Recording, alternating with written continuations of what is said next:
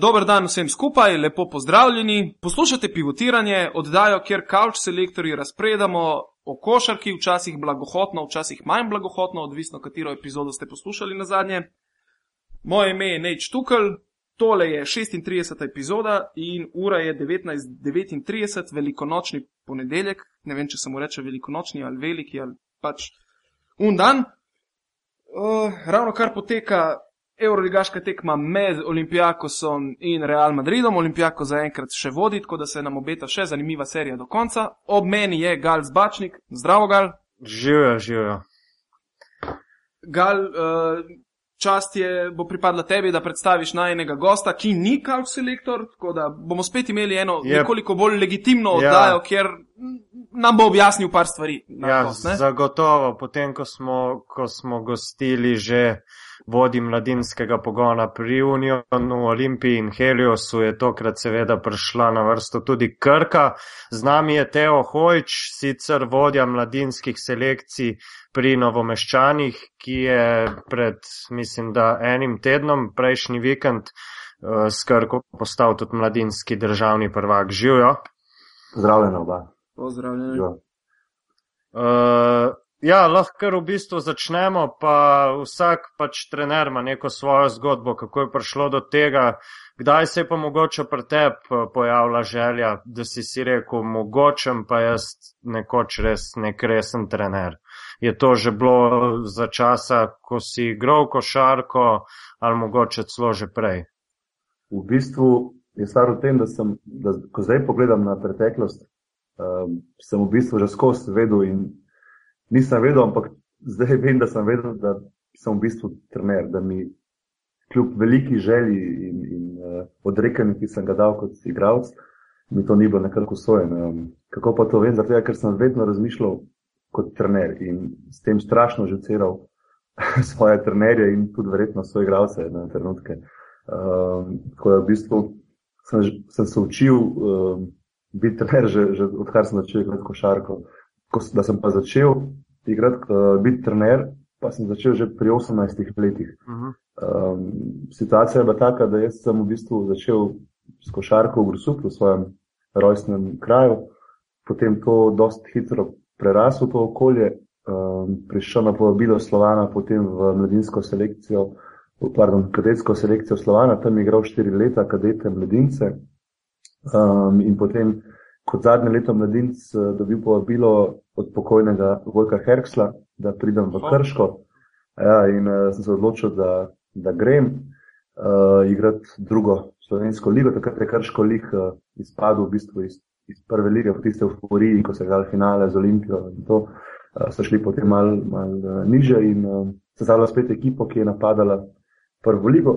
Del te ekipe sem bil tudi jaz, um, vse je bilo lepo in prav do nekje novega leta, ko je zmanjkalo sredstev uh, in so potem v bistvu nosilci začeli mačkan bojkotirati, stavkati in uh, tudi rezultatsko potem smo, smo zelo padli, bili smo prvi do novega leta brez poraza, mislim, da celo na koncu končali nekje na petem, petem mestu. No in tudi klub potem se je preselil še ligo nižje, zato je bilo vse težko, da ni bilo sredstva, da je šel klub ligo nižje, kar mene niti ni zanimalo. Potem sem iskal opcije in ravno v tem času um, je moj oče in nekaj njegovih kolegov ustanovili nov klub v Grosuplu, to je ta klub, ki do zdaj um, igra v prvi ligi. Prvi ligi. Uh -huh. Ja, uh, in je bil dogovor tak, sine, ti lahko živiš še vedno doma, uh, pogoj je, da končaš srednjo šolo, zdravo pa boš pomagal z igranjem v četrti ligi za novo, novo ustanovljeno ekipo in klub in uh, dal ti bomo še šolo košarke. Sprejmeš, rekel, oče, sprejmem, nimam druge, zaenkrat res nisem imel nobene ponudbe. in, in sem šel v to in moram reči, da me je stvar zelo, zelo hitro zagrabila. V bistvu kar od začetka um, ta šola košarke, se pravi, sem začel z dečki starimi 6, 7, 8 let. um, Zdravo še igral, potem za Grosuplje, prišli smo potem iz četrte v tretjo, iz tretje v drugo ligo.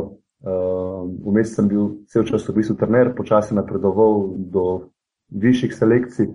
In potem pri mojem 25. letu eh, sem videl, pač, da z mojo kariero uh, igralca pač dejansko ne bo nič več kot, kot je to, če sem realen. Najvišji nivo, ko bi ga lahko dosegel, je nekje spoden del prve lige. Čisto realna ocena. Ja, ja. Mhm. Uh, in um, sem se potem v bistvu odločil, da preneham z igranjem in da se grem profesionalno v, v trenerski posel. Tako nekako evo, se to pri meni obračalo. Aha. Potem, ko se spomnim z grosuplem, ti je tudi uspel, mislim, da prideti na Final Four mladincev, nekaj tacga. Uh, ja, v bistvu um, kadetski je bil prvi Aha. Final Four. Generacija 91, uh, to je bil prvi Final Four tudi za klub. Uh, potem pa so v bistvu vsako leto um, takrat bil vsaj na enem Final Fouru, vsaj na enem pa zato, ker sem, če sem želel biti profesionalc v klubu, ki še ni bil tako visoko organiziran in finančno sposoben, kot je zdaj v tem trenutku, sem moral količinsko več delati. Se pravi, sem potem prevzel še, še dekliški del, um, v bistvu sem kar jaz tudi plus nekaj zanesenjakov postavil klub, um, ki je nastal na podlagi ŠKL, ki je bil zelo popularen in močen v Rosuplju. In sem delal potem istočasno z dekleti in fanti šest let. In so v bistvu potem uvrščeni na te finalne turnirje. Pri dekletih bolj pogosto, ker je roko na srce konkurenca tudi manjša. Eh, Pri fantih pa tudi smo v bistvu vedno bolj um, bili uspešni, bolj močni, šola košaka se je krepila, produkcija igralcev se je večala in ena res lepa zgodba je nastala v Rosuplju. No, v bistvu iz nekega res, res amaterskega kluba, no, je zdaj res lepa zgodba nastala. No. Mhm. Še kaj, si še kaj mogoče v navezi z njimi, ali saj spremljaš rezultate, pa kakšno tekmo pogledaš? Ja, ja, v bistvu um, vsake toliko časa grem pogledat, če je le čas, kakšno šansko tekmo. Glede menjskega pogona, v bistvu nisem na tekočem, moj brat je še vedno trener v, v Grosuplju, tudi personalen vodja pionirskega pogona je letos um, in prek njega potem kakšno informacijo čisto Mhm. osnovno uh, dobim. Um, drugače pa sem jasno sredotočen na svoje delo v svojem klubu v, v Novem Mhm. mestu. Ja, kako je pa mogoče prišlo do, do, do dogovora s Krko? Um, v bistvu, jaz sem bil želja Krke eh, že nekaj časa nazaj. Um, v bistvu, takrat, ko sem preomenil, ko sem končal z igranjem, ko sem se vrgel v to profesionalno, sem dosti hitro dobil potem poziv Krke. Se pravi, takrat sem bil star ne, 25 let. Uh, meni je bilo to, takrat, če sem, če sem iskren, vse skupaj prehitro. Uh, nisem se niti čutil sposoben, da bi tistih letih, v tistem času vzel nekaj ta kot je mladinski pogon Krke in se takrat potem zavrnil uh, ta poziv. In, um, in potem zdaj, dve leti, že zdaj nazaj, uh, se je začela ta, ta zgodba, da, da pa se nisem dogovoril, potekla mi je pogodba v Grosuplju, uh, nisem se dogovoril še takoj, uh, to so kmal potem je šlo to okol, dobil sem potem poziv Laškega, Maribora in, uh, in Krke. In še vedno bila opcija potem ostati v Grosuplju in se mi je tako zdela Krka nek korak naprej v moji karieri. Uh, njihov program, kar sem jim predstavil, mi je, naj, mi je bil najbolj všeč in sem se potem odločil, da to, kar pa grem potem zares v Krko in mi ni žal. Uh, Z mladinskim pogonom Krke se pravi, ste uh, zdaj spet državni prvaki, ne? Uh -huh, uh -huh. uh, kar seveda čestitke so primerne na takem mestu. Hvala. Bolj kot uh, pač sam naslov me pa zanima, kateri od igralcev nekako uh, bi lahko, oziroma koliko igralcev lahko profilira morda v, v naslednjih letih uh, za člansko selekcijo Krke. Oziroma, kakšen je tukaj razvoj, ali grejo najprej še potem naprej v Krka mladi, kako se nekako načrtuje razvoj teh igralcev. Ja, um, ta selekcija, ki je zdaj osvojila ta mladinski naslov, uh, je dejansko dobro selekcionirana. Notri je po naši oceni iz letnika 95-96 šest uh, fantov, ki imajo vsi potencial, da bi lahko igrali za našo prvo ekipo, kar je tudi seveda nek končen cilj eh, te produkcije in vsega tega, kar se gremo. Um, zelo pozitivno in mislim, da smo celo, če se motim, se upravičujem, ampak da smo celo edina, edini klub, ki ima mlado ekipo še. Olimpijo je imela včasih, je nima Tako, več. in je nima Mhm, več. ja, ja. ja. In mi smo lani, v mojem prvem letu v Krki, v bistvu so vrstili prvič iz tretje v drugo ligo, se odločili, da, da gremo, zavestno šli z mladinsko ekipo v to, da se borimo za obstanek, kar ni nobena katastrofa in ker dejansko ta druga liga ni, ni tako slaba, nasprotno. Ni naivna, ja. Ja, ni naivna, nikakor ne. In, in v bistvu je glavni namen je dosegla.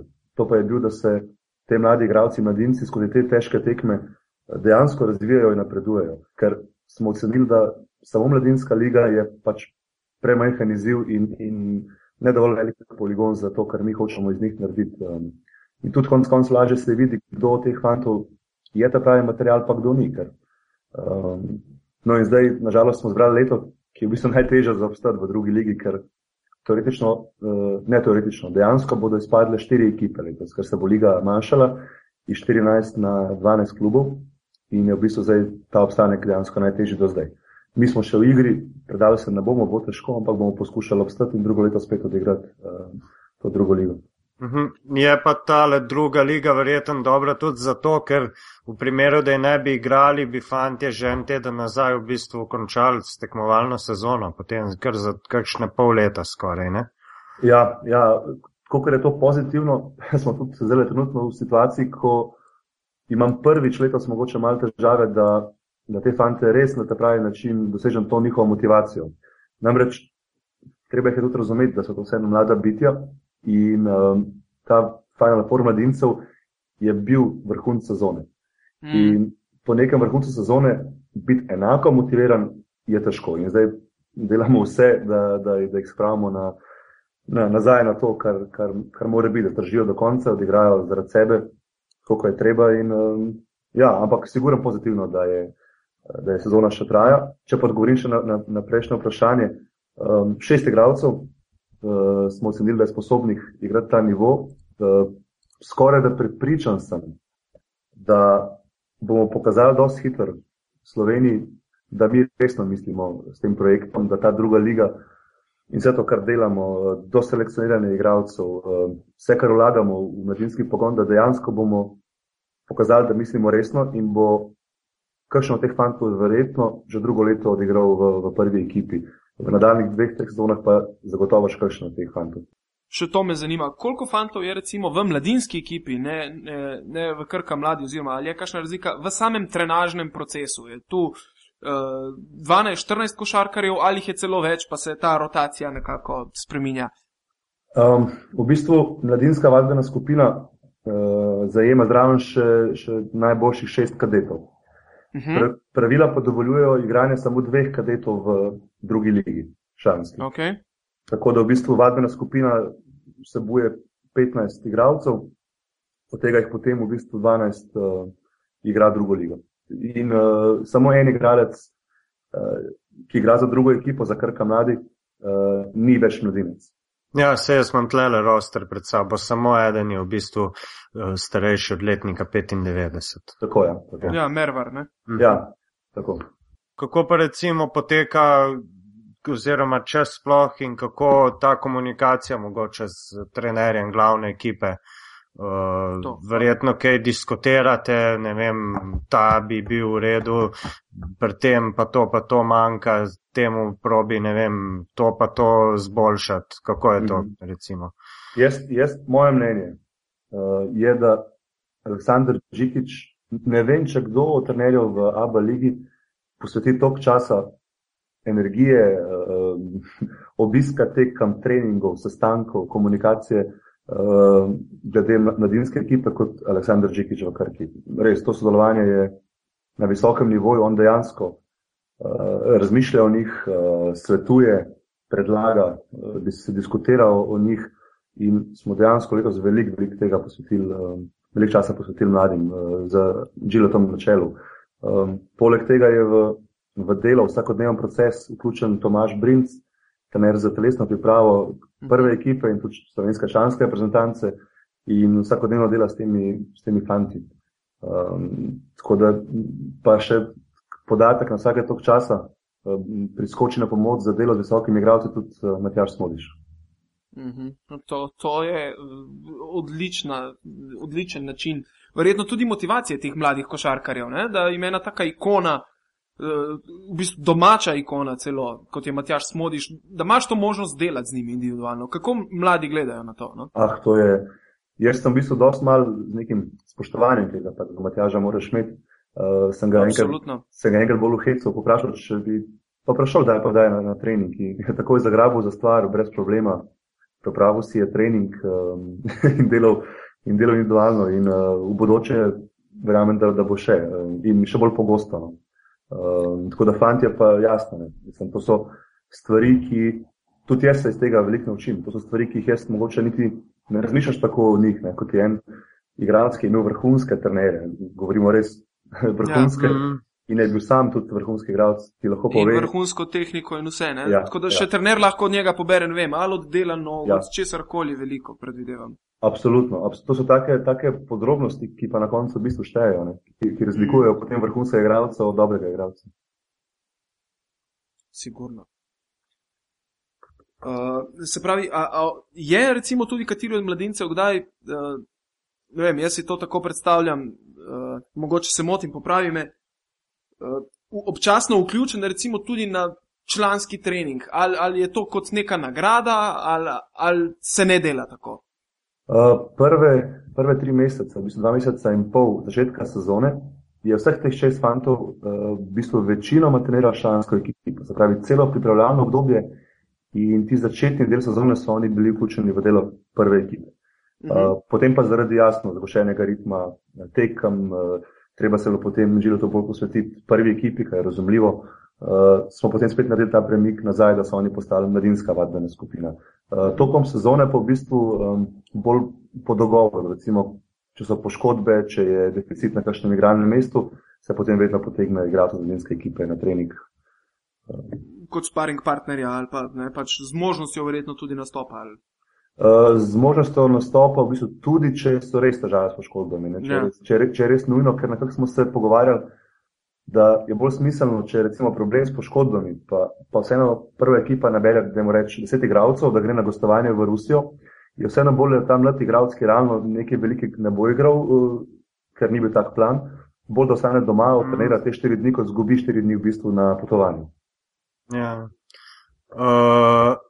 Nač, zdaj moramo omeniti še eno stvar, ki se nekako čita trenerjem mlajših selekcij, sploh v Sloveniji v zadnjem obdobju, da se vse preveč, preveč gleda rezultat. Uh, in se potem recimo kakšnega igravca, ki sicer bi lahko iz njega naredil recimo kakšnega modernega beka ali pa krilo se ga za voljo želje po rezultatu, ker je mogoče malo močnejši ta trenutek pa čez dve leti ne bo več napram vrstnikom, se ga recimo da pod koš igrati mm -hmm. in se s tem nekako zavre njegov razvoj.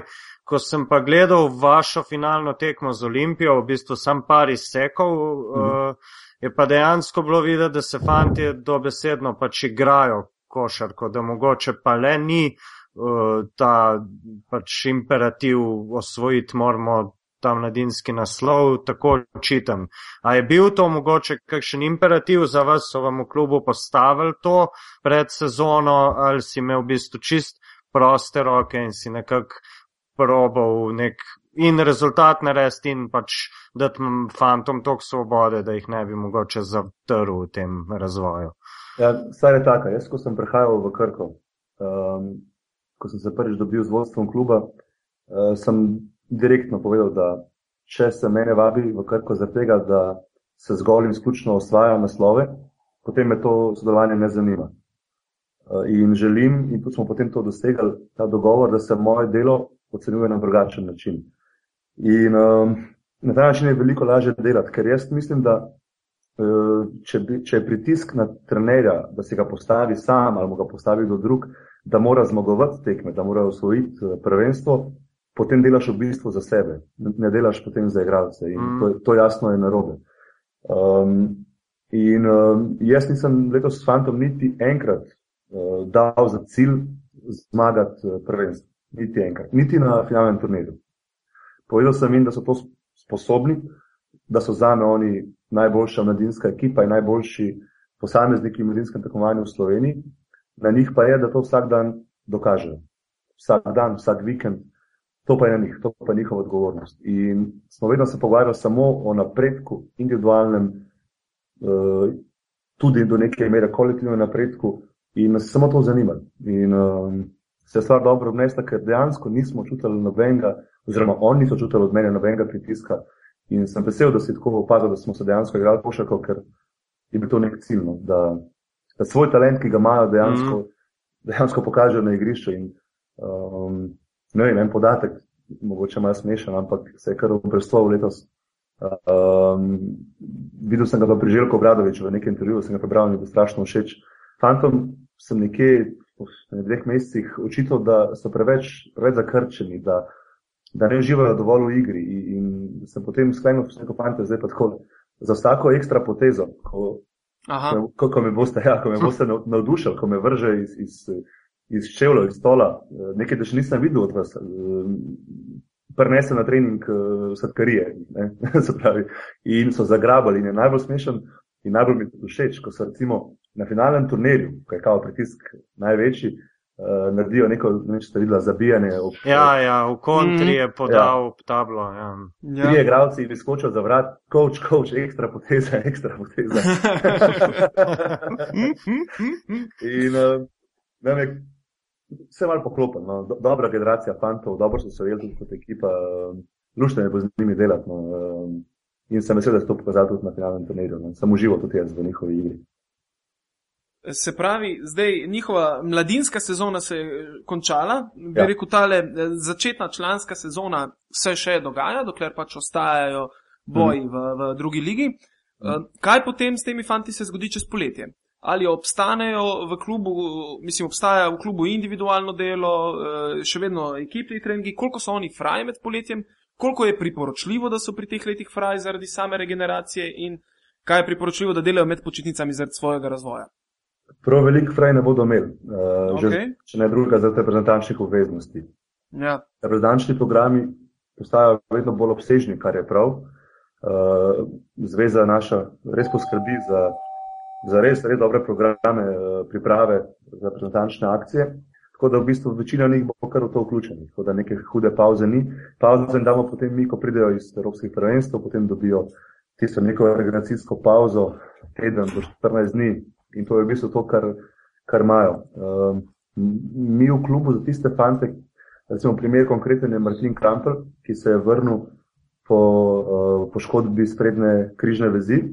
Uh, vrnil se je en mesec pred finalnim trenerjem mladincev. Uh, recimo za njega najverjetneje se ne bomo odločili, da ga pošljemo na reprezentanco, kljub temu, da je bil verjetno eden od nosilcev te reprezentance, ampak bomo z njim v bistvu delali na pridobivanju mišične mase z namenom, z namenom, da bi lahko naslednje leto potem se vključil v, v prvo ekipo. In enako bomo poskušali tudi za teh dveh mesecih uh, z ostalimi fanti, za katere računamo, da bi lahko perspektivi igrali uh, za našo prvo ekipo, um, delati predvsem na tem področju mišične mase, ker um, če smo kje zade za Evropo na teh Smo na fiziki, ne? Ja, absolutno, absolutno. In, v vseh uh, kategorijah. Ja. ja, in velika je debata, ne, kako so počasih uh, Nagbari, Miliči, Udrihi igrali pri 17-18 Euroligo. Um, so bili ekstratalentirani, brez dvoma so bili. Um, ampak je bila vseeno razlika med 17-letnikom in 25-letnikom v fizični moči, pa v načinu igranja, vseeno, man, vseeno manjša kot je zdaj. Uh, ja, ne, Milič, Milič je bil žival pri 17 letih, že v bistvu. Ja, ja. v bistvu ja, ja. Ampak so pa razlike res postale velike pač košarka se igra na, na ta način, kakšno se razvija, so to smer, kot vse, vse gre v smeri NBA lige. Ne? In um, so te razlike res velike in je to velika, velika um, ovira za te mlade igralce, da dejansko ne morejo potem igrati neke vloge v prvih ekipah. Kljub temu, da po mojem mnenju v Sloveniji, pa ne samo pri nas, v Krki, tudi v drugih klubih, uh, so dovolj talentirani, da bi lahko. Ampak jih to ovira in mislim, da moramo na tem največ delati.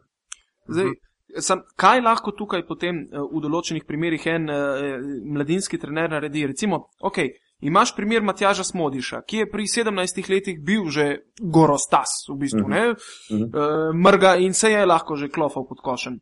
Uh, imaš pa po drugi strani recimo enega igralca, ki mogoče igra na, poziciji visokega branilca ali pa krila.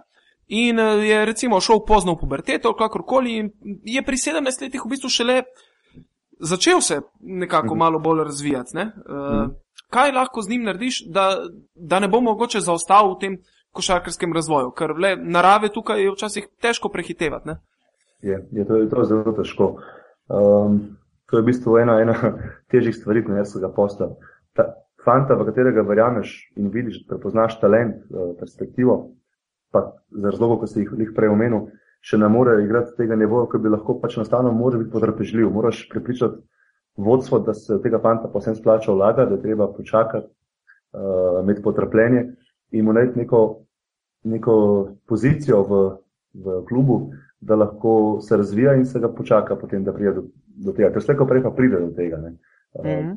Daš ga v program, uh, dela, dela v fitnessu, uh, daš mu program prehrane in upaš, da se ga bo paril čim prej.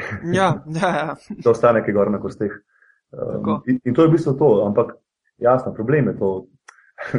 to je vse neke vrste biznis ne? in ljudje ja. ne radi čakajo. ja, sigurno.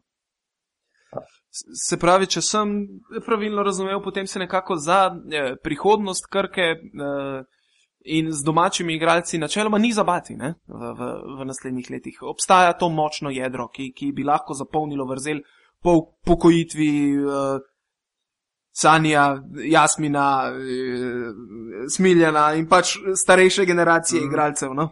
Ja, malo je nehvaležno, da jaz to govorim, ne? ker jaz moje delo, kot delo z mladimi, eh, vidim tako, da, da moja naloga je, da jih pripeljem do članske ekipe.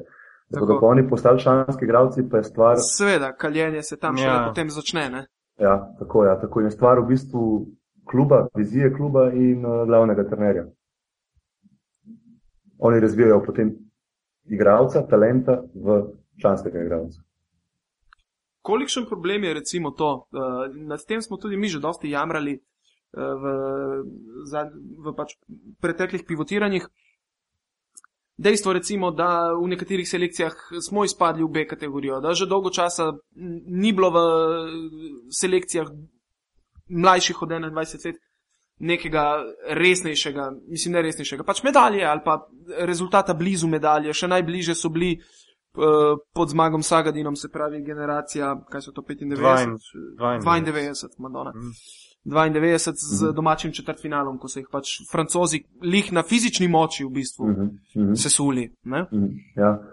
um, zdaj, če, ste, če boste pogledali mogoče uh, rezultate tekmovanj U16 in U18. Mi tam uh mhm. -huh. tudi z igravci, ki so zdaj vrhunski NBA, euroligaški igravci, slovenski, eh, nismo dosegali odmevnejše rezultate. Eh, če se ne motim, je najvišji rezultat kadetske selekcije vseh časov je šesto mesto. Aha. Eh, mladinske se ne spomnim. Pri U20 pa smo bili načeloma bolj uspešni, ja. prvaki, tretji, če se ne motim, tudi ne.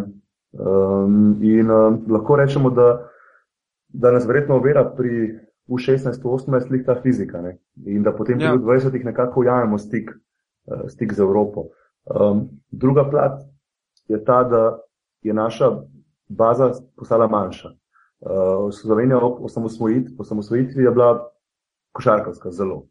Prvi ja. šport kolektiven, ki je, ki je se pokazal že prej bil močen in, in je bila baza res relativno velika. Zdaj, uh, z razvojem ostalih uh, panog, uh, odbojka nam pobere uh, velikih igralcev, veliko več kot je prej. Um, konc koncev nogomet, um, rokomet, ki je z Evropskim prvenstvom takrat domačim dobil sigurno. Naredil svoj boom, ja. Ja, sigurno. In že tako majhni bazi ne, je ta še manjša. In um, je zelo malo dvometraša, recimo v generacijah. Res zelo malo. Um, in zdaj, ajde, ne. Uh, jaz mislim, da se ne dela slabše, kot se je včasih. Klih smo imeli kakšne tri mesece nazaj sestanek, na katerem trenerji teh vodilnejših, bomo rekel, medijskih pogonov, uh, kar hoče to pomeni, ampak um, in je bil zraven Janez Drbarič, ki je videl marsike in tudi delal z marsikom. Tako. In smo ga vprašali, Janez, povejte nam, čisto odkrito, brez ovinkarjen, a delamo slabše, kot so delali vi. In Janez iz prve, čisto resno rekel, nikako, vi zdaj delate boljše to delo je bolj strokovno, to delo je, je, je, je boljše, je bliže, uh, siguran uh, Evropi, svetu, karkoli. Um, tako da težko zdaj reči, kaj so čisti tisti, tisti razlogi. Ne. Verjetno vse skupaj imamo. Skup, Se pravi, glede bazena na stepe majhnost, ja. glede fizike pa kaj? Preveč zdravo se hranimo, pa fanti pozno prihajajo v puberteto ali kaj je? Premalo hormonov, ne vem. kaj pa vem, kaj pa vem. Um, Ne vem, ne vem težko reči. Um, verjetno je spet to povezano s to velikostjo baze. Ne, mi imamo, recimo, pa mislim, da se ne motim, v generaciji letnika 97 imamo, mislim, da štiri dometraše vključene v košarko. Um, jasno, da od teh štirih je eden, ki, ki je primerljiv, lahko mogoče za Evropo, pa še ta ni. Neka Francija jih ima verjetno 400 dvometrašov. In, in od teh 400 verjetno lažje zberejo potem tri fizično dominantne, ki potem jasno te naše uh, popčke pretepajo ne, dejansko. In, um, in tukaj se naredi ta razlika. Enostavno tudi mislim, da je zaradi te baze, ker imamo pa vedno enega, dva, tri, ki pa so recimo ne, do neke mere primerljivi z, z, z evropejci, ne, um, francozi, ne vem, španci, karkoli. Um, ampak njih pa 12. Ne. Ja, se je tudi uh, Krka je pripeljala Irman, Imrana ne, uh -huh. na mhm. centra. Uh -huh. uh, kaj sem že hotel reči? Ja, ko si umenil tole ozek uh, bazen, -huh. bom sam pač še enkrat uh, citiral oziroma povedal eno prigodo, ki jo je pred časom zmago Sagadin povedal, pa sem jo slišal, kako je bilo, ko je bil v Splitu, je čez balkon Eh, videl zelo ogromnega človeka, se je on izrazil. Ne? In ga je pač vprašal, češ, kje pa ti igraš. Ne?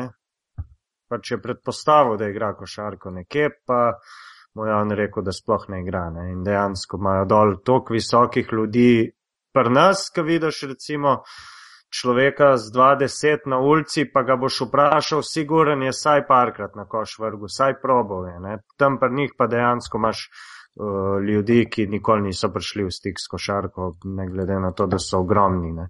Ja, ti odvrne nazaj, če ti pričaš, ja lovim ribu. Ja, ja.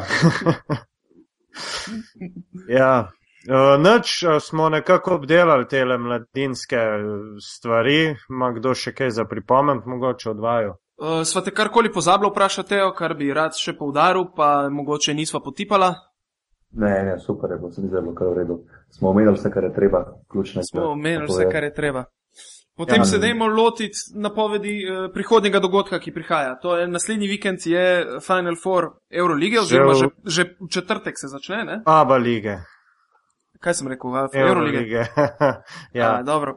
Vstopnice finalista dobita vstopnici za Euroligo. Ja, v, četrtek, eh, v četrtek se v Beogradu začne. Ja. Eh, s prvim polfinalnim parom Crvena zvezda Cibona. Eh, vsi, cela košarkarska javnost tukaj pač napoveduje dokaj gladko napredovanje Crvene zvezde zaradi večjih stvari. V prvi vrsti je tukaj seveda tudi domač teren, poleg tega, da da ima zvezda tudi na papirju predvsem močnejšo ekipo in predvsem in bistveno ima, daljšo klop. Ja, širšo rotacijo. V bistvu bi lahko rekel, da ima dvakrat več igralcev, da je Radonič na voljo kot slaven Rimac. Uh, zdaj pa mogoče Teo, ti tudi uh, spremljaš uh, tole Aba Ligo, pa tudi Krka je igrala s temi obemi ekipami letos. Mhm. Uh, kje mogoče vidiš, če jo vidiš, sploh možnost uh, Cibone? Ta prva peterka njihova bo verjeten saj do neke mere kos uh, crveni zvezdi, potem pa jaz mislim, da bolj se bo tekma približevala koncu, bolj jim bo sapo vzemal in lahko se zgodi tako, kot je bilo pač na zadnji medsebojni tekmi, da je zvezda na koncu uh, tekmo nekako preobrnila vse poprit. Kje vidiš? možnosti Cibona. Bi se kar strinjal ja, z vajno oceno. Uh, sicer Cibona ne, po tistem uh, težavah finančnih, zapuščanja igralcev, uh, menjave trenerja, uh, se je za moje pojme neverjetno dvigala. Verjetno tega ni noben pričakoval. Nobeden, ne. Mm. Ja, in očitno je Slaven Rimac najdel nek, nek ključ, kako je vseeno v težki situaciji za njih motivirati, kako spraviti iz njih uh, maksimum. Um, jaz sem jih gledal Ja, ravno prvo tekmo, potem ko je Rimac prevzel ekipo, so igrali v novem mestu. Ja. Ja. In eh, se da želijo, da se da stvari bi pa znale iti v pravo smer. Ker ko sem jih gledal na trening tekmi v novem mestu, ki jih je vodil še Spahja, pa stvari niso izgledale v redu. Uh, sicer je Spahja lepo rekel v eni izjavi, da ko prevzameš uh, klub kot je Cibona, se smejiš prvi dan, jokaš pa vse ostale dni. Tako da najbrž mu ni bilo ravno, ravno enostavno. Uh, um, Ampak, evo, zdaj, jaz predvsem sem občudoval, ko sem videl živo, kako igra prvi, sem ga videl, kako igra Šarič, um, sem bil navdušen, navdušen mm. nad tem mhm. fantom. Uh, in mislim, da je on zdaj, verjetno že kar poleg Blessinga, ima prvi igralec uh, Cibone. Ja, se je tudi uh, na MVP lige, ne? mislim, mm. da je mm. prvi skakalc, prvi strelec. Tako da mislim, da takega igralca v ABA ligi ni bilo vsaj pet let, ne zdaj le. Ja. Takega potencijala, ker to, tukaj gre v bistvu za naj, največji potencijal letnika 94, vsaj v Evropi, če ne tudi uh, mm. mogoče na svetu. Ja, ja in, uh, in Rimac mu je mislim, da dal veliko večjo logo, kot mu je dal Sparke. Veliko bolj proste roke in um, veliko bolj izkorišča ta njegov potencial. Tako da si bo neobremenjena, bo nevarna, ampak vseeno mislim, da zvezda je pa tako suvereno odigrala par tekem in, in ima res, res močno ekipo, dobro vodeno ekipo in mislim, da tukaj na koncu bo to odločalo korist zvezde. Zdaj, recimo, če pogledamo malo bolj taktično zadevo, uh, na terenu imaš enega igralca, kot je Darijo Šarič, ki večinoma svojega igralnega časa zdaj preživi na, na štirici. Mm. Veliko krat jaz dobim občutek, da nekako točke, ki jih on dosega, ne, ne prihajajo iz akcij, ki bi bile za njega narejene. On je, eh, ima izjemen občutek in za skok, in za drugo akcijo. Uh, kako braniti takega igralca s takim širokim repertoarjem, kot ga ima Darijo, ki, ki v enem trenutku prenaša žogo, išče celo igralca v pick and rollu, Kako se zoprstaviti takemu igralcu v bistvu? Verjetno bi o tem več razmišljal, ko bi bil v situaciji, ko bi moral igrati proti takemu igralcu. Um, tako da verjetno niso toliko sladke skrbi za nasprotnega trenerja.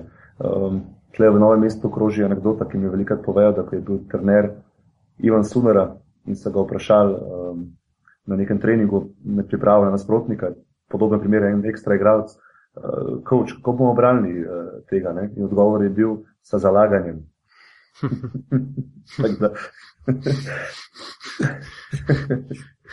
ja, Mogoče je to nek odgovor. Ja. To. Kaj pa po drugi strani, recimo, ja. uh, centrski dvoboj bo tudi zanimiv, ne? ampak še vedno pri, pri centrih je, kar se tiče same robustnosti in višine, v prednosti CD-vita. Cibona, misliš? Ne, ne Cibona, zvezda. Pardon. Zvezda, zvezda. Seveda. Ja. zvezda Uh, kako se lotiti, recimo, obrambe nad Bobijem Marjanovičem? Okay, napadaš ga lažje, ne? Mhm, s hitrostjo, s pick and rollom, teže ga brani. Kako pa braniti pol tako žival? Jaz sem uh, spremljal pripravo Džikiča eh, na, na zvezdo in uh, v bistvu je stvar dosta enostavna, v bistvu pa dosta težka. Ne? Ko Bobi sprejme žogo v raketi, ga ne podvajaš, ampak v bistvu kar štiri, tudi do pet igralcev, morajo iti v raketo in, uh, in upati, da, da, da bo to pač neuspešen poskus, oziroma slaba podajanje. Drugače ga je mhm. izredno težko braniti, neverjetno napredoval, neverjetno. Res tista sezona v Mega Vizuri lani mu je izredno koristila na pridobivanju samozavesti, ker on ja. prej roko na srce ni bil nikakor tako dominanten, kot je zdaj. Ne. In zdaj pa je dejansko igračina in potem še. Če že njega ostaviš, pride potem v igro, verjetno še bolj nevaren ja, igralec. Katič. ja, ja. Tako da um, zvezda je res močna ekipa. Ne, in, uh, Ja, v, v bistvu to je edina praktična ekipa v letošnji Abu Leiji, za katero je bilo dobro, tisti povodni poraz v širokem se zgodi, ampak za njih uh, dejansko skozi celo sezono v vsakem trenutku smo bili lahko 100% prepričani, da, da gredo na Final Form, medtem ko recimo uh, Partizan se je lovil Cibona, da ne govorimo, CD-vita pa recimo tudi imela neko kontinuiteto, ampak ne tako kot, kot zvezda. Mm -hmm. uh, tudi doma niso zgubili niti ene tekme, kar tudi pove marsikaj. Ja, ja. Uh, zdaj, mislim, če lahko še glavno, recimo, prednost, ki bi lahko tudi potem zvezdi v potencialnem finalu, jaz mislim, da, da, da so te trije branilci, uh, pitbulli v obliki Nelsona, Jenkinsa in tudi uh, našega Blažiča, mhm. uh, v bistvu kar njihova glavna.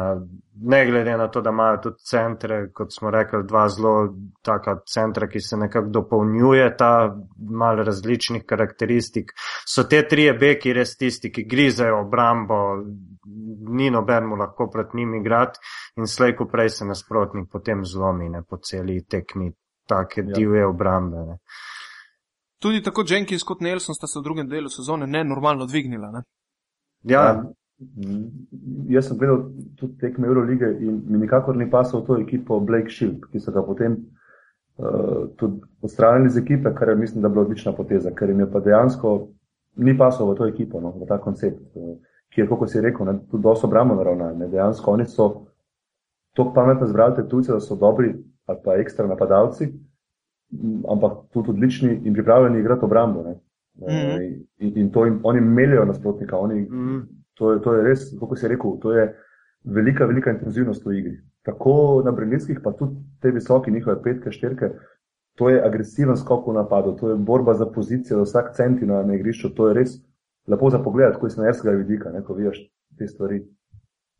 Ja, to je, mislim, da najbolj na svoji koži občutila Olimpija, ne?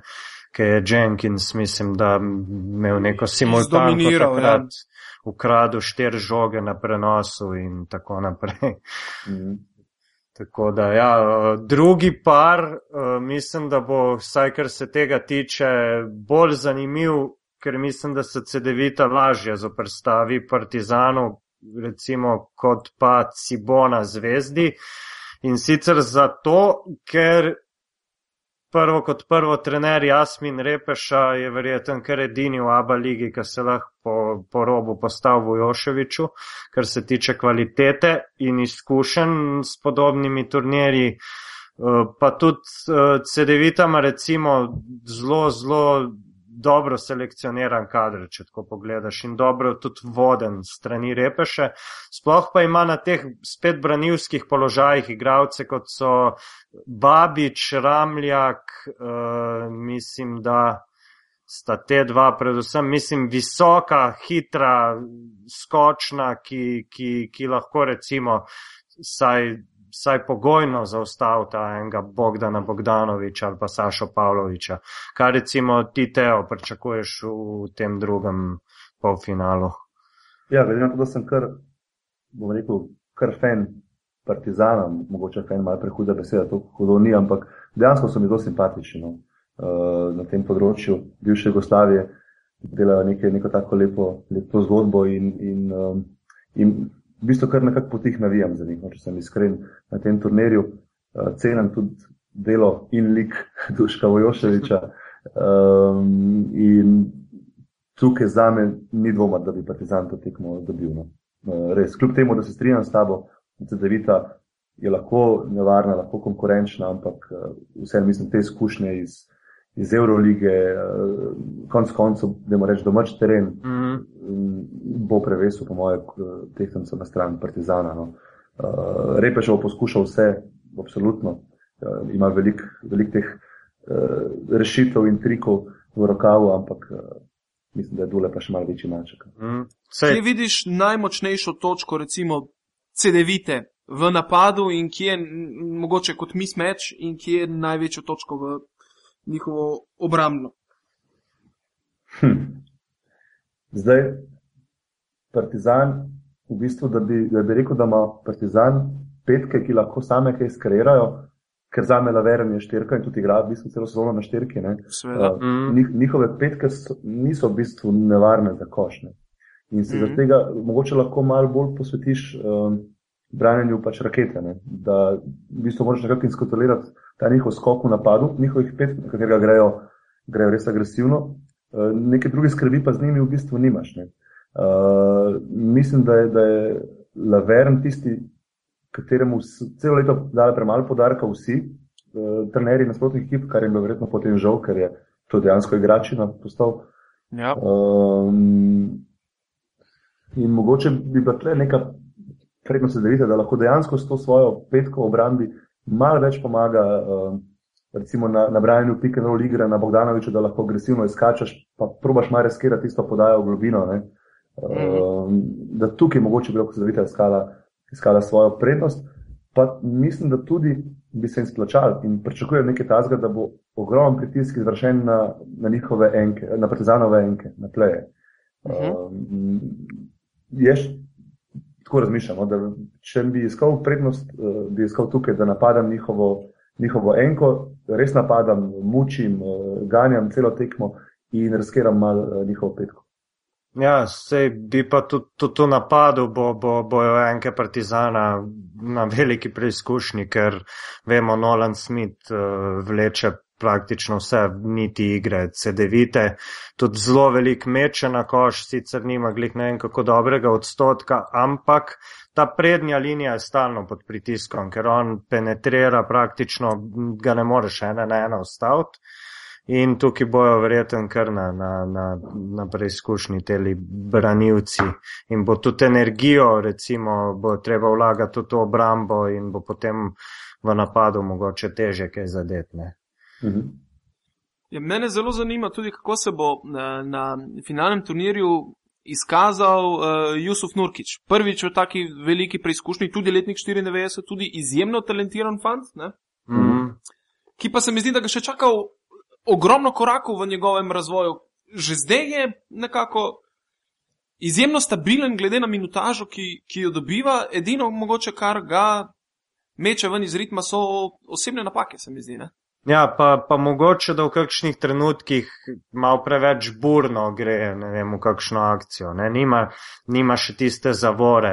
Zapilotira pač, kost v ja, kost, recimo. Ne? Kar je čisto razumljivo, ne? glede na to, da je center in, in star še, mislim, da niti 20 let ni dopolnil, ga čaka še kar neki, ampak je pa to igralec, ki je glede na svojo korpulentnost, ki ga vidiš, je dejansko kot trodelna umara, ampak vse je gibčen, hiter, skočen, ni, ni, ni lesen, ne, po domač povedan.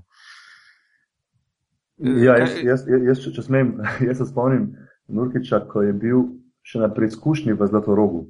Uh -huh. um, in so mi ga takrat pokazali, ne boste verjeli, takrat je Fandit bil star 13-14 let in ni bil višji od 195 uh, bil je tanek, suh. Uh mhm. -huh. In uh, takratni trener uh, medijskega pogona za to roga, Miki Špolar, me je tega fanta opozoril, mi ga je pokazal, rekel, veš, na tega pa mi računamo, da bo prišlo drugo leto, računamo, da bo 20. Sem bil jasno malo skeptičen, ker, uh, ampak potem, ko sem videl to, to goro čez dve, tri leta, kako je tam v Laškem že dominiralo v medijinskem pogonu, ne, um, sem videl, da je nekaj posebnega v tem fantu in zdaj to dokazuje. Jaz predvsem pri njemu cenim to, da mislim, da vseeno razmišlja malo drugače kot večina centrov. Da on je malo bolj luciden, da, da je malo mal bolj vseeno odigra stvari tako, da jih prečita. Da ni vse samo nagonsko. No. Je mm -hmm. mislim, da, da, da, da je velika razlika med njim pa, pa večino ostalih centrov. No. Vse tako jaz vidim stvar. No. E, poznaš e, zgodbo, kako je ja. Jusuf prišel v košarko? Ne? Tista začetom 20 ja, policajem. tako, tako ja. ki, je, ki je od zunaj v eni akciji posredoval in, in obvladal 15 ljudi. Ne? In pol je menedžer prišel do njega in vprašal, imaš ti sina, malo, ajmo. ja, in to dejansko ta, te, ta del um, Bosne, ne, s kateri je Jusuf Nurkič, je pa je dejansko tako, da par vasi, da dejansko so tam včasih živeli velikani. To je neka, mm. neka anekdota, ampak to so dejansko visoki ljudje, to so dvometraši, verjetno v poprečju je tam dva metra uh, višine. Um, tako da, ja, verjamem to zgodbo, ja, da oče policaj, gorjak. ja, sej, tu zdaj konec koncev res dala ogromno število košarkarjev. Mm -hmm. Ja, je tudi pa to zanimivo, recimo, da Partizan, ki se je v prejšnjih desetih letih, recimo, odkar je Vojoševič spet tukaj, uh, gradil igro na teh centrih od uh, Džavaja, Mariča in Pekoviča, zdaj, Krstiča, nima, ja, zdaj pa nekako nima ne, nekega materijala, da bi konstantno lahko žoge dajal pod koš. Ne. Zdaj so pa spet recimo letos beki bolj tisti, ki, ki, ki nosijo igro. Ne. Ja, zanimivo je v bistvu, da so se vsi trije centri nekako so obetali res ogromno. Jaz se spomnim, da je Jan Musli, preden je odšel uh, še za FMP, ko je igral, preden je odšel v, v ja, takrat še ne, Kaha Laboral. Aha, Kaha Laboral. Ta, ta ceramika je bila še takrat. Uh, je veljal nekako za enega naslednika, celo mogoče Dina Rađe na, na, na, na tem prostoru. Vsaj tako ga je takrat uh, označil uh, naš bivši selektor Boža Malkovič. Ne?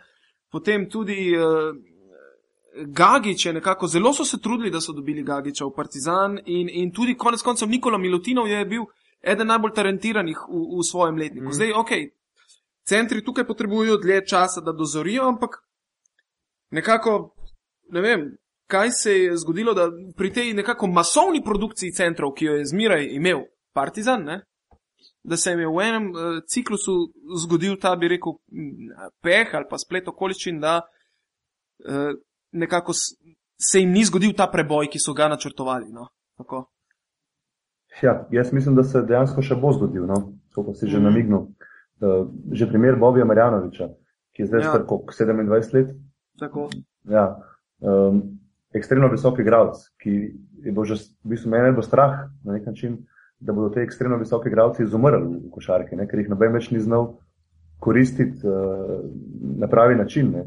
In sem vesel, da vsem to je, to je košarka, visoki ljudje ja, ja. igrajo košarko in sem vesel, da Bobby zdaj je tako dominanten. In, in tudi od teh fantov, od teh treh, sem prepričan, da bo eden zagotovo se še razvil no, v prihodnih sezonah. Tudi Partizan res dela uh, s temi centri. Uh, jaz sem gledal eno predavanje Duška Joševiča ravno na temo dela z visokimi igravci in, in me je navdušeno, no, ker tukaj dejansko je velike nespecifike, ki je, mislim, da kar tudi nekatere stvari, kar njim lastne. No. Recimo način odkrivanja centra je, je dosti specifičen pri njih, no.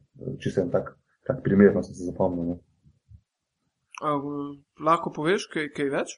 Ja, večina, večina nas, trenerjev, se pri odkrivanju na uh, low post, pravi na poziciji spodnega centra, uh -huh. uh, veliko premenjuje z, z delom rok. Uh -huh. V mhm. bistvu, v bistvu uh, Dule pa, pa uči, da se rok sploh ne uporablja in zahteva samo, da v bistvu z nogami narediš uh, večino dela, od borbe za pozicijo do osvajanja prostora. In potem, ko enkrat usvojiš prostor, je tvoja naloga kot centra, da si čim večja tarča, kot so oni izrazili. Uh, bodi čim večja tarča, da te lahko zadane, tudi če vrže slabo podajo, da te žoga lahko zadane uh, in da moš to žogo ujetno. Potem je pokazal eno vajo, ki je meni svetovna vaja um, za te svoje centre, čisto navadna vaja, odkrivanje v, v sredini rakete in dule začne z normalnimi podajami, potem je dal netočne podaje, rekel, no, potem pa, ko začnemo zares trenirati, delam pa to vajo in začel potem so silo vrcati nabijati žogo proti tem svojim centrom.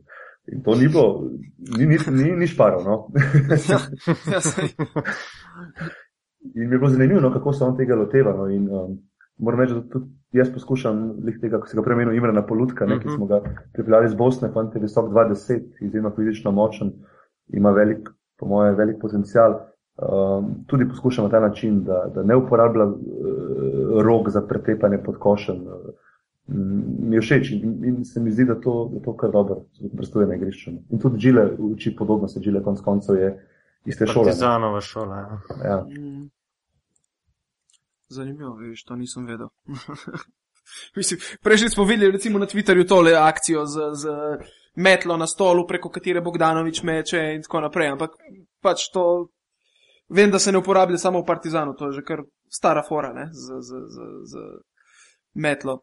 Pa ja, če nisi lih uh, college ekipa ali pa NBA ekipa, pa imaš sto teh pripomočkov, pač moš improvizirati. In, uh, ja, ja, ja. Ni nujno, da vaja, če, če je stara, da je slaba. Nasprotno, seveda ne. Še vedno vrhunska. Se spomnim se tudi, mislim, da je Vilfant enkrat opisoval da se je trener pred njega usedel na narobe obrnjen stol in rekel: Želim videti tvoje noge v višini mojih oči vsakeč, ko mečeš. Uh mhm, -huh, zanimivo. Uh, ja. Ok. Final Force smo obdelali. Ne? Recimo, da smo ga, ja, kar. Mm, kolikor se meni zdi, se vsi trije malo nagibamo k temu, da bomo gledali večji derbi v finalu. Ne?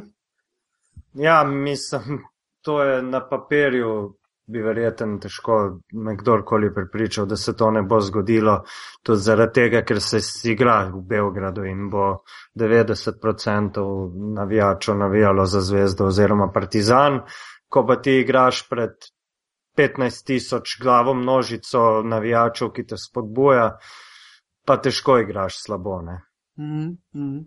Saj ja. tudi, če ti v napadu nekako ne steče, boš v obrambi grizel kot žival in to slejko prej pripele potem do zmage. Jaz mislim samo, da um, prednost Devita in Cibona je v tem, da pa dejansko gre za eno tekmo, za en dan, ki odloča ogromno. Ja. In v enem dnevu, na eni tekmi se lahko zgodi marsikaj. Ja, sploh jaz sem recimo poslušal izjavo Vojoševiča, ki je zelo odločno rekel, da je v bistvu tale nastop v finalu je pač, to je pogoj, v bistvu dejansko je rekel, da je nastop v finalu pogoj za obstoj kluba na tem nivoju, ne? ker marsikaj pove o tem, kaj bi se s Partizanom zgodilo, če ne pride v finale in sistem ne zagotovi Eurolige. Verjeten bi kar zadeva šla strmo navzdol. Ne? A tretji vrščeni ne gre več v kvalifikacije? Ja, v kvalifikacije gre, ampak kvalifikacije, veš, kdo igra potem v kvalifikacijah, razni unik, skazani in podobno, kjer praktično res nimaš možnosti. Ne. Ja, Težko- Lituvo Srita Ja, presenetil je vse, ne, tam, ampak mislim, da nobena od teh abal ekip bi težko, mislim, da prišla skozi tiste kvalifikacije, ker so res močne. Ne. Mhm. No, evo, zdaj, če še mogoče za zaključek čisto pogledamo. eh, Tekma med Olimpijakosom in Real Madridom se ravno preveša proti koncu, če, če Mm. je verjeti statistiki na njihovi uradni strani. Eh, Olimpijakos nekako, Olimpijakosova prednost se topi, tako da zna biti končnica zelo zanimiva. In začela se je tudi tekma med uh, Makabijem in uh, Emporijo Ja. Armanijem. Ne? Enega udeleženca Final Fora že imamo, to je Barcelona. Uh, kako je s preostalimi tremi tekmami? Zna biti, da bomo tle gledali kar podaljšane serije. Ne?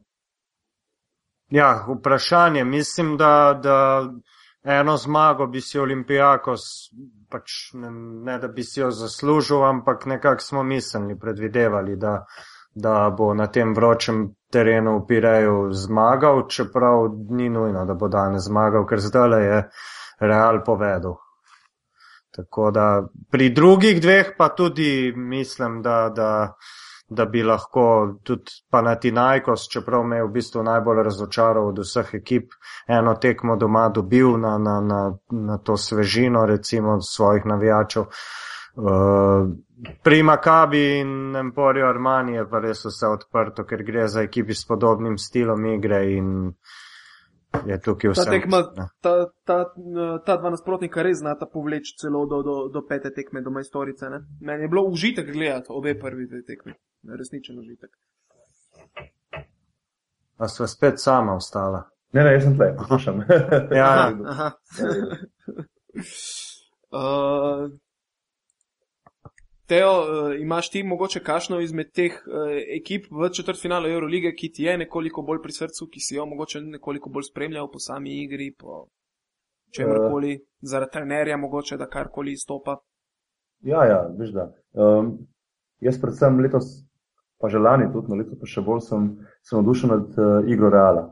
Uh -huh. Uh, mislim, da je to košarka, ki se bo igrala v prihodnosti. No? Uh, Da je to Mhm. neka košarka prihodnosti. In je najlepša za pogled, mislim, da se, da se večina ljudi strinja, da je to res lepo za pogled, kako igrajo. Kljub temu, da Mm, tudi, tudi meni, tudi meni osebno, Rudi Fernandez včasih izjemno živcira, um, ampak je pa vrhunski igralec. In, um, ja, absolutno. Ja. In, eh, in sem mi všeč. eh, Tudi Pablo Lasa je predaval letos v času Evropskega prvenstva, pri nas je v Domžalah imel predavanje ravno na temo, ki me najbolj zanimala in to je njihova tranzicija. Uh -huh. Eh, Kako, kako razviti to igro. No? In eh, mi je bilo všeč. No? Polkno enih, seveda ni razkril vsega, jasno, ampak že tisto, kar je povedal, eh, mi je marsikaj tudi odprl oči, pa mi je dal nek, nek eh, drugačen pogled na to. Ne? In uh, mi je potem bilo bolj jasno, kak- zakaj to zgleda tako, kot zgleda. Uh, tudi imam srečo, da sem spoznal lani na turnirju v Franciji, ker smo bili z mladinsko ekipo brata od vem, tretjega, četrtega pomočnika Real Madrida Uh -huh. in se je dogovoril, da um, lahko pridem uh, si pogledati uh, en teden treninge Reala in vidim stvar tudi blizu. Ne. Si že izkoristil to zadevo ali še, Ne, še čakam, da bo, čaka? čakam, da bo konec sezone, pa upam, da ne bo prej konec sezone Reala. Aha, no, ok. Ja, no, ampak definitivno, ko bo konec sezone, uh, se odpravljam uh, v Madrid za en teden, uh, pogledati ravno Real, ki me zelo zanima, in najverjetneje potem se odpravljam še v Tel Aviv, ker tu sem spoznal na teh človeka, ki v bistvu je head coach akademije v Tel Avivu, ki se ukvarja z razvojem mladih igralcev izraelskih, pa igralk. No, in uh, s tem človekom so dejansko postala, postala prijatelja in me je povabil že večkrat v Tel Aviv in tudi obljubil, da ko pridem dol, da brez problema lahko gledam uh, treninge Davida Blata. Uh, med drugim sin Davida Blata je tudi na tej akademiji in je najbolj perspektiven izraelski košarkar, ta hip, mladi izraelski košarkar, ta hip. Super. Kaj, recimo, točno to, ko si omenil tranzicijska igra pri Real Madridu. Uh -huh. Uh, kaj je tam? Eh, ker meni je fascinantna, zelo mi je všeč, ampak eh, jaz ti ne znam povedati, kaj mi je točno všeč na njej in, in zakaj to tako deluje. Uh, lahko ti to razložiš, zakaj to tako deluje. Ja, um, Pablo Laso je povdaril, da ljudje zmotno mislijo, da njihova igra zgleda tako, kot zgleda, ker ima hitre igralce. In ima prav, to, da si ti hiter samo po sebi, še ne pomeni, da, uh, da bo to zgledalo tako, kot mora zgledati. Um, in tudi med drugim Španija je tukaj spremenila način selekcioniranja košarkarjev. Um, za Špance je, je pomenilo, da si hiter, da obvladaš žogo, da znaš da podajo, zadaneš trico, da grizeš obrambo. In če, to, če te kriterije lahko, uh, lahko izpolniš, potem niti ni važno, da zgledaš kot košarkar, ali kot fusbaler. Ker če pogledamo nekaj Ali pa kot šahist, ja. Ja. ali pa kot šahist, konc koncev. Ja. In, in dejansko so te naredili neko, nek preskok v razmišljanju glede selekcioniranja. In tudi s tem prišli potem pred ostalo, pred, pred Evropo, konc koncev. ne. No in um, tukaj je ogromno detajlov, no, ki jih oni vadijo. On je pokazal par vaj, par principov, pravil, konc koncev njihovih, ki jih imajo v tej tranziciji. In um, je rekel, uh, da, da dejansko veliko delajo v situacijah, ki so mogoče malo netipične za šlansko ekipo, ogromno uh, 2 na 1 plus 1, 2 na 2 čez celo igrišče, uh, 3 na 2 plus 1 uh, situacije. Um, in da s tem v bistvu skozi vadijo to igro. Je pa rekel, da pa dejstvo, pa, da ima ekipo tako zbrano, da to ni naključno on zbral te igralce, ki jih ima. ne. To je, so igralci, ki lahko igrajo to igro, ne? ki lahko hitro razmišljajo in hitro reagirajo. Mm. Mm. Meni je Sergio Rodriguez uh, eden največjih kraljev v bistvu ta trenutek. Res mi je njega gledati, pa ni važno, ali je tranzicija ali je postavljen napad. Mislim, da, da, da ima tok, tok rešitev v vsaki situaciji, da, da je res fascinantno. No. Pa je tudi zanimivo, lej, je bil že v situaciji, ko praktično uh, ni izgledalo, da, da, da bo splaval v tem Real Madridu. Ne? Nekako ga je lik prihod Pavla Lasa uh, spet preporodil. Mm. -huh. Maj je bil že zgubljen, ker je bil v NBA, se je začel malo zgubljati. Tudi ko se je Ja. vrnil, Tudi eh, pri ni- Messini nekako Mhm. ni, ni našel ne, igre. ni dobil nekega zaupanja. Ne? Ja. Pač, ker se je narekovaj divjak ne? na nek način. Ne? Uh, in, in, igra košarko na svoj način, ne? če to pogledaš. Ne? Ampak zdaj očitno se je pokazalo, da je to genialno, kar počne. Ne? Mhm. Tako Da, ja. e, e, ko si prej, ko si imel tranzicijo, no, ena stvar, ki je meni bila zanimiva. Ne? Eh, Pravilo imajo, recimo, ko se Rodriguez odkrije po skoku, obrambnem skoku svojih centrov, recimo, ne, um, na vsak način poskuša doseči, da, da pride čez na drugo stran, se pravi od trojke do trojke, da pride z maksimalno tremi. Mhm. Mhm. Se pravi, ne mara uh, nekih uh, preveč menjav, uh, se pravi, čim hitreje z maksimalno tremi vodenji poskuša priti od trojke do trojke. Hm, Zanimivo. Ja. Zanimivo, ja, seveda. To bo še zanimivo gledati. Zdaj, evo, zadnja minuta je in izenačen je Je rezultat. kar tam. pet sekund do konca. Veš. Pet sekund je do konca. Ja, A ja, ti, ti gledaš, ne, majster? ja, Ja, pač vidiš. z enim očesom je treba. Jaz, jaz spremljam sam statistiko, ker če bom zdaj poleg snemanja užgal še video, gre vse v tri krasne. Ja, ja. Ok, uh, ga čemo zapakirati, smo na urci, ja In- mislim, in da še smo čez- povedali vse in še več, kar smo mislili. tako Da... Teo, tebi se najlepše zahvaljujemo za udejstvovanje v naši debati in na zelo koristnih uh, informacijah, ki si nam, nam jih podal. Uh, zdaj bom lažje pametoval pred ekranom. jaz, jaz sem zelo vesel, da ste me, da ste me povabili v, v, v vašo oddajo. Vse se reče oddaja. Ne? Ja. ja podcast, Podcast, oziroma ja. mislim, da slovenski izraz je poddaja celo ali nekaj takega. Oddaja. No? Ja. Poddaja, ja. Mi je zelo zanimivo, sem poslušal večino uh, prejšnjih epizod, najbolj sem užival, jasno, v, Milovičevi. Uh, uh, sem, sem se dejansko sem jo dvakrat, še trikrat poslušal, ker me je nasmejala, res me je nasmejala. Tako da, tako da uh, respektno vam za tole, kar delate, mi je zelo všeč, Hvala. popestrili ta Ja. naš košarkarski prostor uh, in sem tako naprej. Hvala, hvala. Uh, tebi pa res vso srečo še uh, v letošnji sezoni z mladci v drugi ligi. In želimo ja, ti res, da čim, čim več odneseš iz uh, praktično košarkarskih klinik uh, v, v Madridu in v Tel Avivu. No. Jaz upam, da mi uspe to obiskati in če mi uspe, nedolgo bom prišel bogatejši za marsikaj nazaj. Ja, no. pa, pa, pa potem mogoče se še kdaj tako le dobimo. Ne? Z veseljem, če boste me poklicali, ja, sem zelo vedno. Ja, noč, uh, lahko še povemo na koncu, kje se nas najde. Lahko ga. Ker ti to ponavadi spuščaš, ampak ko se recimo, da uh, pivotiranje je seveda del mreže aparatusa, ki jo morate poznati, če tole poslušate, skoraj siguren. Uh, potem pa smo seveda na Facebooku, imamo svoj profil in na Twitterju. Uh, to seveda pivotiranje, potem pa mene, eh, jaz sem dosegljiv na Twitterju, zbale z dvema L in na Facebooku in tudi na Instagramu, sicer pa lahko na, na, na spletni strani Športeve, pač ste na tekočem, s čim se ukvarjam in to je zaenkrat to od mene. Di še za me pove, kaj ti fajn gre. Uh, naš kolega Nejc se pa nahaja na Twitterju pod imenom Tibor Jablonski z Y na koncu. Um, seveda, naslednjič se bo pa verjeten tudi eh, Miha Penko pridružil, ki zdaj le ravno komentira in ga zato danes ni bilo, da še njega upravičimo. To je pa mislim, da vse. Teo je drugače aktiven na, na spletu ali so pri, profili bolj privatni? Uh, veš kaj, v bistvu uh, Facebook. Uh, mi je recimo stvar, ki jo uporabljam predvsem za komunikacijo uh, s prijatelji, kakorkoli, uh mhm. -huh. Mhm. kolegi, trenerji. Uh, Twitter počasi spoznavam um, ta, ta medij, ostalo pa v bistvu ne.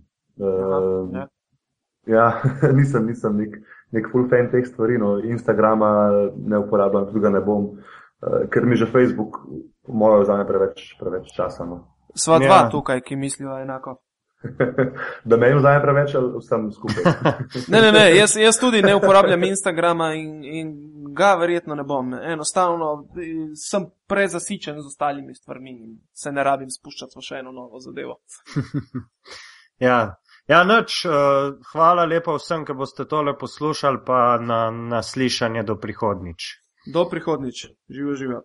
živo.